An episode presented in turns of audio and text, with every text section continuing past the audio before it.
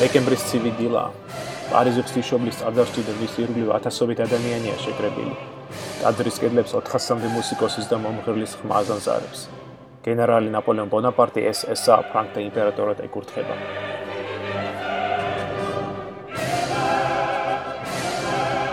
თუ მე გამაჩნია რაიმე ამბიცია ნაპოლეონმა ერთხელ განაცხადა ის ისე ბუნებრივია ჩემთვის ისე მჭიდროდაა დაკავშირებული ჩემს არსებასთან როგორც ჩემს ზარღვებში ჩქეფარის სისხლი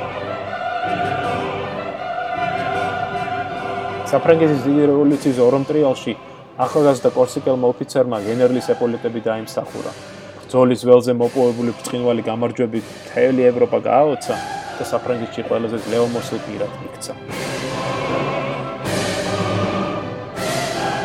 ნაპოლეონი დინჯად მიუახლოვდა საკურთხეველს, სადაც რომის პაპი პიუსი იდგა. გამოართვა გვირგვინი, წამიერად აწია ზეთისკენ და შემდეგ კვეთრი მოძრაობით თავზე დაიდო. ევროპას ამიერიდან ახალი იმპერატორი ეყოდება.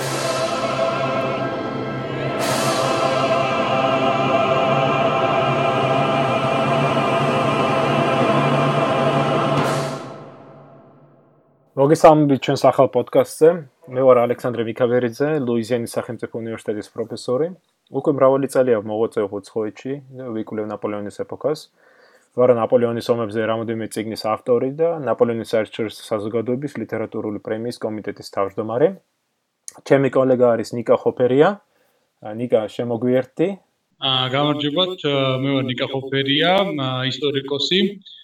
აა ჩემი ერთ-ერთი თქო კოლევის სფერო არის ნაპოლეონის ეპოქა და ჩვენ ამ პოდკასტით მე და ალექსანდრეს გვინდა რომ ზოგადად ვისაუბროთ ნაპოლეონის ეპოქაზე, მის ცხოვრების შესახებ და განვიხილოთ მისი ცხოვრების სხვადასხვა დეტალები. ეს პოდკასტი ჩვენ ვესწრებით რომ კვირაში ერთხელ ერთი შემოგთავაზოთ.